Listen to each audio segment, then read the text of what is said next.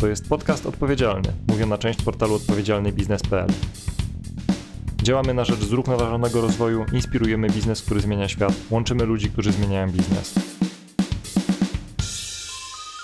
Dzień dobry, witam w nowym cyklu podcastu odpowiedzialnego Rady dla Klimatu, który realizowany jest w ramach programu Chapter Zero Poland. Ja się nazywam Agnieszka Kłopotowska i zapraszam do wysłuchania rozmowy.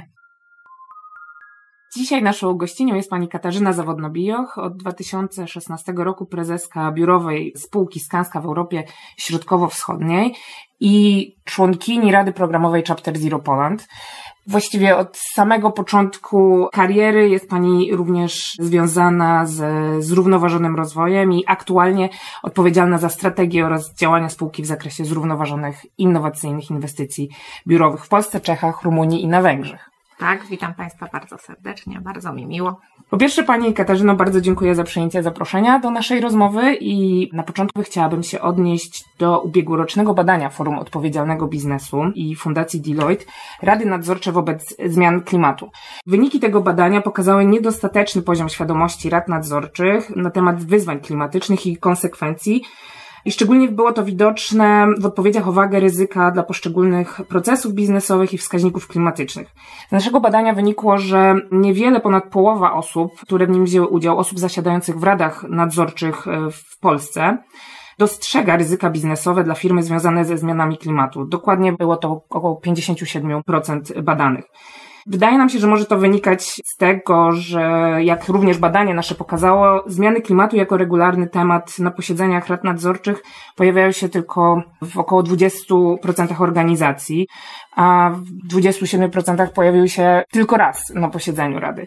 Jak pani to ocenia w kontekście momentu, w którym się znajdujemy, tego postępującego kryzysu klimatycznego i tak koniecznego zwrotu w kierunku transformacji klimatycznej? Czy rzeczywiście w pani ocenie również jest tak no nie najlepiej z tą świadomością. Myślę, że w ostatnich latach widzimy, że ten poziom świadomości rośnie i on rośnie, myślę, że od, od momentu, gdy zdaliśmy sobie sprawę w wyniku pandemii, tego jak bardzo jesteśmy wszyscy połączeni, jak y, wszyscy mamy olbrzymi wpływ na to i do, że tak naprawdę nikt nie jest bezpieczny, dopóki wszyscy nie są bezpieczni i że te działania muszą być wspólnymi działaniami. Więc jeśli chodzi o poziom wzrostu świadomości, wydaje mi się, że on na przestrzeni ostatnich lat dość znacznie wzrósł. Co nie oznacza, że tym samym wzrósł poziom wiedzy, bo to jest kolejny krok. Na mhm. razie wiemy, że nie wiemy i że jest to ważne. W kolejnym kroku potrzebujemy edukacji w tym temacie. Jeśli chodzi o moment, czy jest to ważne, oczywiście jest to szalenie ważne. Eksperci biją na alarm, że jeśli chcemy ograniczyć negatywny wpływ zmian klimatu na życie i funkcjonowanie nas jako ludzi, przedsiębiorstw, to jest niezbędne zintensyfikowanie działań tu i teraz przez wszystkich, a firmy mają olbrzymią rolę do odegrania w tym procesie. Jeśli chodzi o wagę, tak, jest to absolutnie super ważne. Jeśli chodzi o to, czy jesteśmy na to gotowi, tu mamy do wykonania jakąś pracę i myślę, że ten pierwszy krok to jest uświadomienie sobie tego, że jest to ważne, i że chcemy to robić jeszcze na razie nie wiemy jak, tak? Czy to są te, te kroki. Pierwsze to wiem, że nie wiem, drugie potrafię tą wiedzę uzupełnić. Sama świadomość nie wystarczy, tak? No mhm. No jakby bez wiedzy nie jesteśmy w stanie ruszyć dalej. Żeby rady nadzorcze mogły formułować konkretne oczekiwania dotyczące zrównoważonego rozwoju w stosunku do zarządów, potrzebują mieć wiedzę, tak? A żeby na, później nadzorować ten proces wykonania na rzecz właśnie zrównoważonego rozwoju, żeby mogli monitorować proces wykonania tych oczekiwań, które były hmm. postawione, również muszą mieć wiedzę w tym obszarze, więc sama świadomość to za mało, ale jest to na pewno pierwszy krok. Jak Pani ocenia dostępność wiedzy w tematach klimatycznych? Ta wiedza jest, jest jej sporo. Faktem jest, że jest wiedzą rozproszoną. To jest obszar stosunkowo młody, on się cały czas rozwija, tak? Także faktem jest, że po pierwsze są miejsca, gdzie możemy się uczyć. Po drugie, nikt nie zrobi tego sam, potrzebuje partnerów i ważne jest szukanie tych partnerów aliansów, gdzie możemy się uczyć, a po trzecie, chociażby taka organizacja jak Chapter Zero jest wspaniałym miejscem do zgłębiania wiedzy, poszukiwania informacji. Fantastyczne, bardzo wartościowe webinary, podcasty, które teraz zaczynamy. Ja bardzo gorąco zachęcam do korzystania z tej wiedzy, bo to jest naprawdę wspaniała skarbnica wiedzy, a wspólnie możemy znaleźć również odpowiedzi na te pytania, które być może jeszcze się odpowiedzi nie pojawiły, ale możemy ich wspólnie poszukać. Myślę, że dzisiaj, jak sobie tak spojrzymy na to, co się dzieje na rynku w obszarze konferencji, podcastów, webinarów, temat ESG jest wszechobecny. Myślę, że, że problemem jest bardziej wybór odpowiednich źródeł informacji, przesianie, wyselekcjonowanie. A tutaj Chapter Zero jest absolutnie fantastycznym partnerem, aby pomóc w znalezieniu tych konkretnych, które dotyczą rad nadzorczych i zarządów. Bardzo dziękujemy i również zapraszamy. Chciałabym tutaj Panią poprosić o takie doprecyzowanie i rozwinięcie tego wątku, jaką rolę tak naprawdę rady nadzorcze obok organów zarządczych mają do odegrania w kierowaniu przedsiębiorstw na drogę z tej transformacji w stronę gospodarki zeroemisyjnej, bo wydaje mi się, że wciąż nie, nie do końca jest ta świadomość wagi tych, tych organów właśnie w tym procesie. No jakbyśmy miały sobie tak przyjrzeć się tematowi roli Rady Nadzorczej i, i, w tym wybranym obszarze, tak? Rolą Rady Nadzorczej jest nadzorowanie długookresowej strategii firmy, żeby ta adresowała w odpowiedni sposób ryzyka, sytuację, w jakiej przedsiębiorstwo funkcjonuje oraz jakby realizację celów y, średnio-długookresowych w tym obszarze, tak? I jeśli sobie dzisiaj powiemy, że jednym z głównych trendów, który y, jest jasno zdefiniowany na następne 10, 20, 30 lat, który będzie kształtował środowisko działania przedsiębiorstw wszędzie na świecie, jest obszar ESG, zrównoważony rozwój, no to jakby ta rola Rady Nadzorczej jest oczywista to jest ten poziom, który musi nadać kierunek, musi zdefiniować oczekiwania, upewnić się, że są odpowiednie kompetencje zarówno na poziomie Rady Nadzorczej, jak i zarządów, że te ryzyka są w odpowiedni sposób oceniane, definiowane, wdrażane w strategię firmy, bo to ryzyko klimatyczne jest bardzo ważnym ryzykiem, które dzisiaj można sobie jasno powiedzieć, że to jest takie być albo nie być dla spółek w dłuższej perspektywie, bo to jest warunek utrzymania konkurencyjności na tym szybko zmieniającym się rynku. I nawet jeśli te dyrektywy, które dzisiaj się pojawiają, tak? Mamy dyrektywę z zeszłego roku Parlamentu Europejskiego o raportowaniu mm. niefinansowym, tak? Która rozszerza zakres tego raportowania niefinansowego o te aspekty środowiskowe. Dotyczy tylko wybranej ilości przedsiębiorstw na dzisiaj. To prędzej czy później wszystkie firmy w Polsce będą musiały raportować te informacje niefinansowe dotyczące środowiska. Ale już dzisiaj ci, którzy muszą raportować, oni bardzo mocno będą patrzeć na cały łańcuch wartości. A te największe przedsiębiorstwa w swoim łańcuchu wartości mają mnóstwo mniejszych przedsiębiorstw, na które bezpośrednio wpływają, tak? Więc nawet jeśli możemy sobie powiedzieć, o mnie to będzie dotyczyło za 3-4 lata, bo mamy odpowiednie progi wielkości przedsiębiorstw i jakby istotności wpływu na środowisko, to już dzisiaj, będąc w łańcuchu wartości większych przedsiębiorstw, możemy sobie powiedzieć, że jest to moje być lub nie być. Bo jeśli ja muszę przekazać szczegółową informację dotyczącą pochodzenia produktu, śladu węglowego, sposobu prowadzenia działalności, zarówno jeśli chodzi o ład korporacyjny, adresowanie tematów społecznych, środowiskowych i nie jestem w stanie tego zrobić, to de facto negatywnie wykluczam się z tego łańcucha wartości tych przedsiębiorstw większych. Nie mówiąc już o tym, że tak naprawdę czas płynie szybko i nawet jeśli ten obowiązek raportowy dotyczy największych dzisiaj, to tych mniejszych będzie dotyczył za 3-4 lata. A jak pani by skomentowała takie stwierdzenie, które się czasem pojawia u nas w rozmowach z członkami, członkiniami Chapter Zero, że rady nadzorcze będą posiadały wiedzę, będą chciały działać na rzecz ochrony klimatu, ale mogą się spotkać z problemem związanym z podejściem akcjonariuszy do tego tematu? Oczywiście zawsze działamy w jakimś środowisku, gdzie oddziaływują na nas różne czynniki, różne siły, tak? Akcjonariusze oczywiście są bardzo zmotywowani tym, aby osiągać zyski w krótkiej perspektywie, tak? Kwartalnie, rocznie, dostać dywidendę, ale również są zainteresowani tym, że ta ich inwestycja w długiej perspektywie nie straci na wartości. Więc jeśli dzisiaj mówimy o zabezpieczeniu konkurencyjności, innowacyjności, rozwoju firmy w długiej perspektywie, czyli utrzymaniu jej wartości, wzrostu tej wartości, musimy zaadresować ten temat. Jeśli Rada Nadzorcza dobrze wykonuje swój obowiązek nadzorczy, to powinna jasno i wyraźnie zdefiniować oczekiwania w tym obszarze bo jest to olbrzymie ryzyko dla funkcjonowania każdej spółki dzisiaj. Teraz chciałabym trochę od ogółu do szczegółu porozmawiać o branży nieruchomości.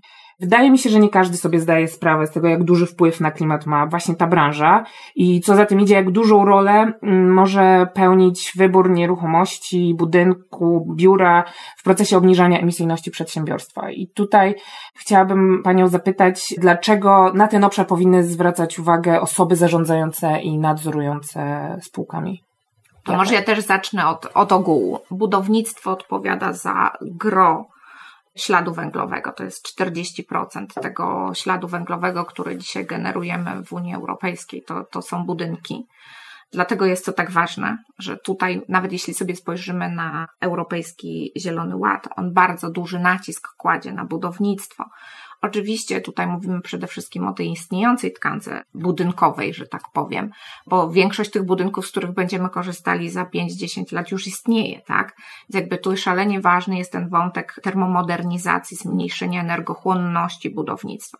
Ale oczywiście wszystko, co się pojawia nowe, powinno być najlepszym, najwyższym możliwym standardzie. To jest jakby jeden aspekt. Dzisiaj myślę, że wszyscy bardzo mocno rozumiemy konieczność obniżania energochłonności budynków, bo jest to bardzo jasno zdefiniowane również w aspekcie ekonomicznym przedsiębiorstwa. Więc jeśli mówimy o dobrym gospodarowaniu, no to na pewno chcemy mieć te rachunki za energię mniejsze, nie większe. To jest jakby jeden aspekt. Drugi aspekt to jest e, taki aspekt również czysto raportowy. Budynek dla firmy to jest obszar raportowania śladu węglowego w obszarze drugim i pierwszym, tak?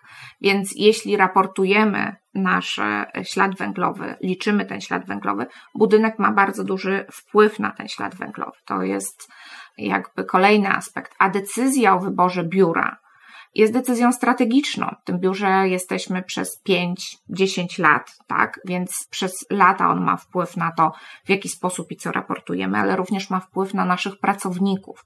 I ten aspekt związany z tym aspektem społecznym, dobrostanem pracownika jest dzisiaj szalenie istotny. Wiemy, jak ważne jest przebywanie w środowisku, które jest dla nas zdrowe, które sprzyja naszemu dobrostanowi, który dzisiaj po, po tych kilku trudnych latach, które mamy za sobą, po lockdownach, po takiej totalnej izolacji, wiemy, jak dużo wyzwań takich psychicznych mają mhm. pracownicy i jak ważny jest ten aspekt zadbania o, o dobrostan i zdrowie. Dobre biuro to jest biuro, które jest zdrowym biurem. To jest biuro, które sprzyja interakcjom społecznym. To jest biuro, gdzie mamy dostęp do odpowiedniej jakości, ilości świeżego powietrza, mają zapewnioną odpowiednią temperaturę, oświetlenie, zbudowane z materiałów, które są zdrowe. To jest taki aspekt, na który rzadko zwracamy uwagę, ale możemy mieć materiały o niskim indeksie lotnych związków organicznych, które są zdrowsze dla nas. Jeśli przebywamy w biurze, które jest zbudowane z materiałów powiedziałam mniej zdrowych, to mhm. zaczyna boleć nas głowa, podtruwamy mhm. się, tak?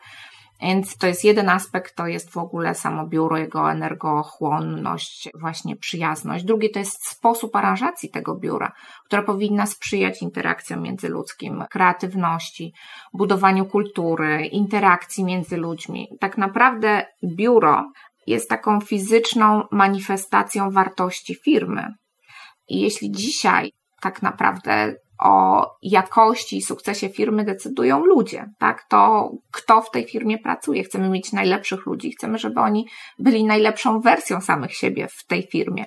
Więc stworzenie im przestrzeni, gdzie oni mogą być tą najlepszą wersją samą siebie, gdzie mogą wchodzić w te interakcje międzyludzkie jest szalenie ważne. I tutaj mówię nie tylko o tym, żeby były wygodne fotele, ale też, żeby zaadresować tematy neuroróżnorodności, mm. niepełnosprawności. My budujemy budynki bez barier, bardzo mocno sprawdzamy, czy każdy do tego budynku swobodnie może się dostać, czy każdy swobodnie może się po nim poruszać, czy to jest budynek przyjazny niezależnie od różnego rodzaju ograniczeń, które mamy fizycznych ograniczeń, czy to jest budynek, który sprzyja bioróżnorodności, wprowadza zieleń w mieście, ale oprócz tego aspektu ważny jest też aspekt chociażby śladu wodnego, ile Mhm. wody zużywa ten budynek. My w Polsce mamy bardzo duży problem, jeśli chodzi o dostęp do wody pitnej, z którego wiele osób sobie w ogóle nie zdaje sprawy.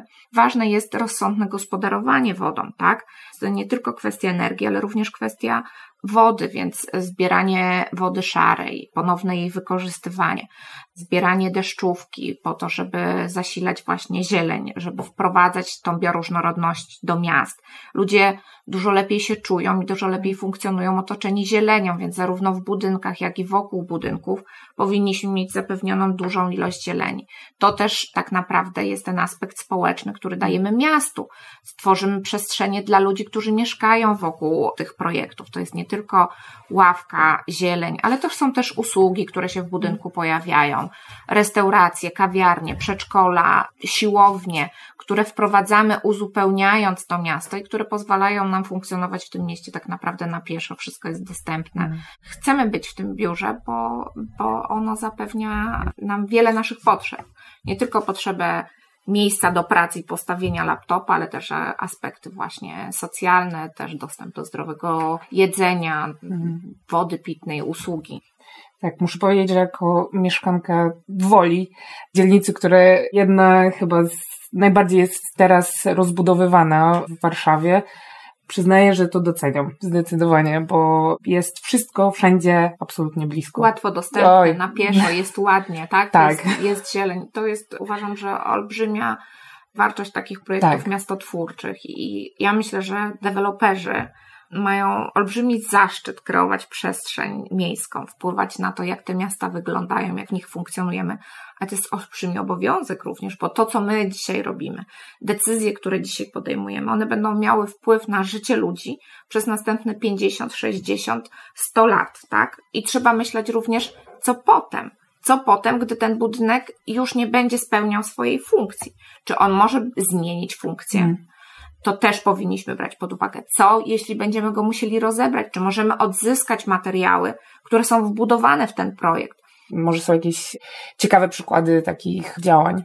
Tak jak pani powiedziała, tak? Koncentrujemy się na centrach miast, na terenach zurbanizowanych, czyli w ogóle nie wchodzimy na tereny zielone. I oczywiście wszystko zależy od kontekstu tego, co zastaniemy na takiej działce. Jednym z takich ważnych trendów w zrównoważonym budownictwie i budowaniu zrównoważonych miast jest dogęszczanie tkanki miejskiej, uzupełnianie funkcji w centrach. Więc jeśli na działce, którą kupimy, jest jakiś magazyn, a może powstać budynek, pełnowymiarowy budynek z dodatkowymi funkcjami, to go wyburzamy.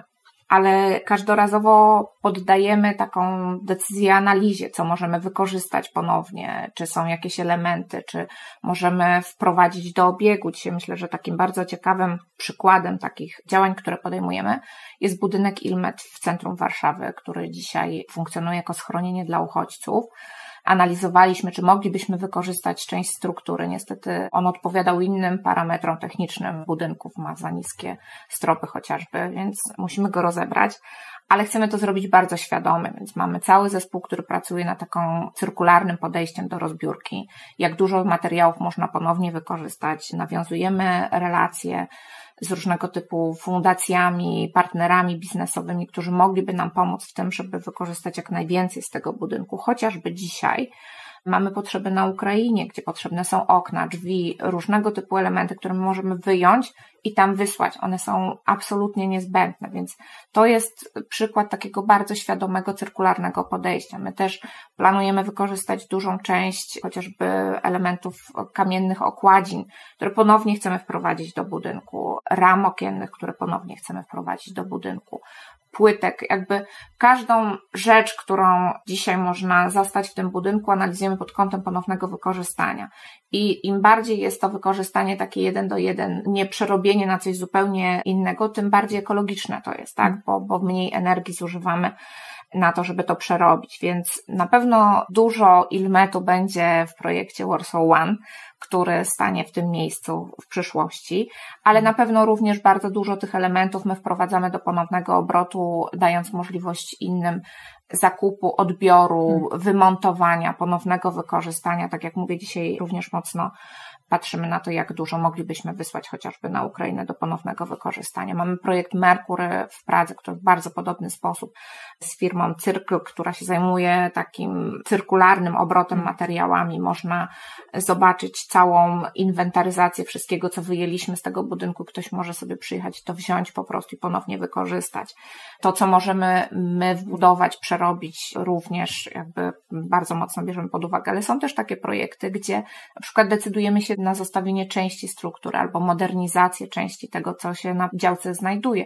Chociażby we Wrocławiu na projekcie Dominikańskim odnowiliśmy pałacyk, który pięknie wpisał się w nowy kontekst urbanistyczny tego miejsca. W Pradze na projekcie Five budowaliśmy starą zajezdnię tramwajową w nowy budynek. Że takie rzeczy się dzieją. Staramy się bardzo świadomie wykorzystywać to, co zostajemy na działce. Tak jak mówię, nigdy nie budujemy na terenach zielonych. Jeszcze tak w ramach podsumowania. Dlaczego rady nadzorcze powinny angażować się w tematy związane z wyborem nieruchomości dla organizacji, szczególnie te rady, którym zależy na ochronie klimatu? Decyzja o wyborze nieruchomości biurowej, tam gdzie będziemy mieć swoją siedzibę, jest często decyzją związaną ze sporymi nakładami finansowymi, decyzją strategiczną, wieloletnią. W związku z tym Rada Nadzorcza powinna być zaangażowana w ten proces i zadbać o to, aby wybrana nieruchomość wspierała firmę w realizacji strategii ESG. Biuro, które wspiera cele środowiskowe, społeczne i związane z ładem korporacyjnym, przyczynia się do zrównoważonego rozwoju firmy, stanowiąc jednocześnie fizyczną manifestację strategii i wartości organizacji jakie coraz częściej, tak jak już sobie to zdefiniowałyśmy, są związane z obszarem ESG. I takie biura my tworzymy w Skansk. Także zapraszam. Bardzo dziękuję Pani Katarzyno za rozmowę. Moją dzisiejszą gościnią była Katarzyna Zawodna-Bijoch. Do usłyszenia. To jest podcast odpowiedzialny, mówiona część portalu odpowiedzialnybiznes.pl. Działamy na rzecz zrównoważonego rozwoju, inspirujemy biznes, który zmienia świat, łączymy ludzi, którzy zmieniają biznes. To wszystko na naszych podcastach dostępnych na stronie odpowiedzialnybiznes.pl ukośnik podcast oraz w serwisach SoundCloud, Spotify, Google Podcast, YouTube oraz poprzez kanał RSS.